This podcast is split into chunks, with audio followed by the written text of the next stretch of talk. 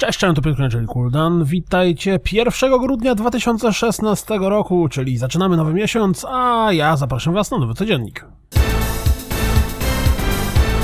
Lubicie grać w gry wyglądające jak te z komórek na konsolach? No to pewnie iZombie może Was zainteresować. Gra w 2014 roku pojawiła się na Steamie, jest dostępna również na Xbox One, a teraz pojawi się na PlayStation 4.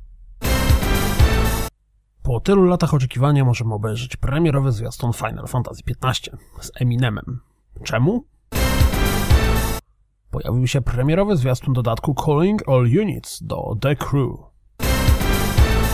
Nowy zwiastun przedstawił postać Shelmy Stormend Tides of Numenera.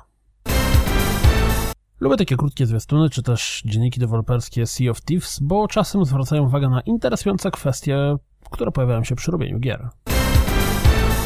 Kto lubi bijatyki, a nie gra na konsolach, na bank ucieszy się, że Guilty Gear Xtruder Revelator od 14 grudnia będzie dostępny na Steamie.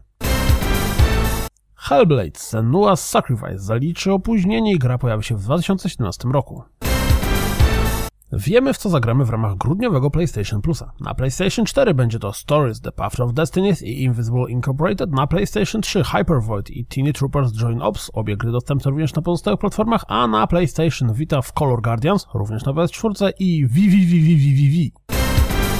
Ujawniono zawartość drugiego sezonu w Rainbow Six Siege. Wśród operatorów pojawią się również Polacy. Na IGN pojawiło się 8 minut rozgrywki z Resident Evil 7 z komentarzem.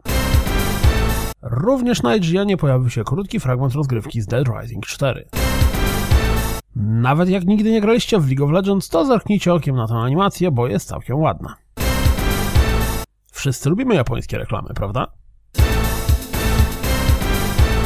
To wszystko na dziś. Jak zawsze dziękuję za słuchanie. Jak zawsze zapraszam na www.rozgrywkapodcast.pl. Jeśli doceniacie moją pracę, wesprzyjcie mnie na Patronite i mam nadzieję słyszymy się jutro. Trzymajcie się. Cześć. Aha, jutro rano spodziewajcie się również specjalnego wydania codziennika związanego ze zwiastunami, które pokazano na Video Awards, czy tam Video Game Awards, czy jakoś tam. No, w każdym razie tych nagrodach od Jeffa Killego.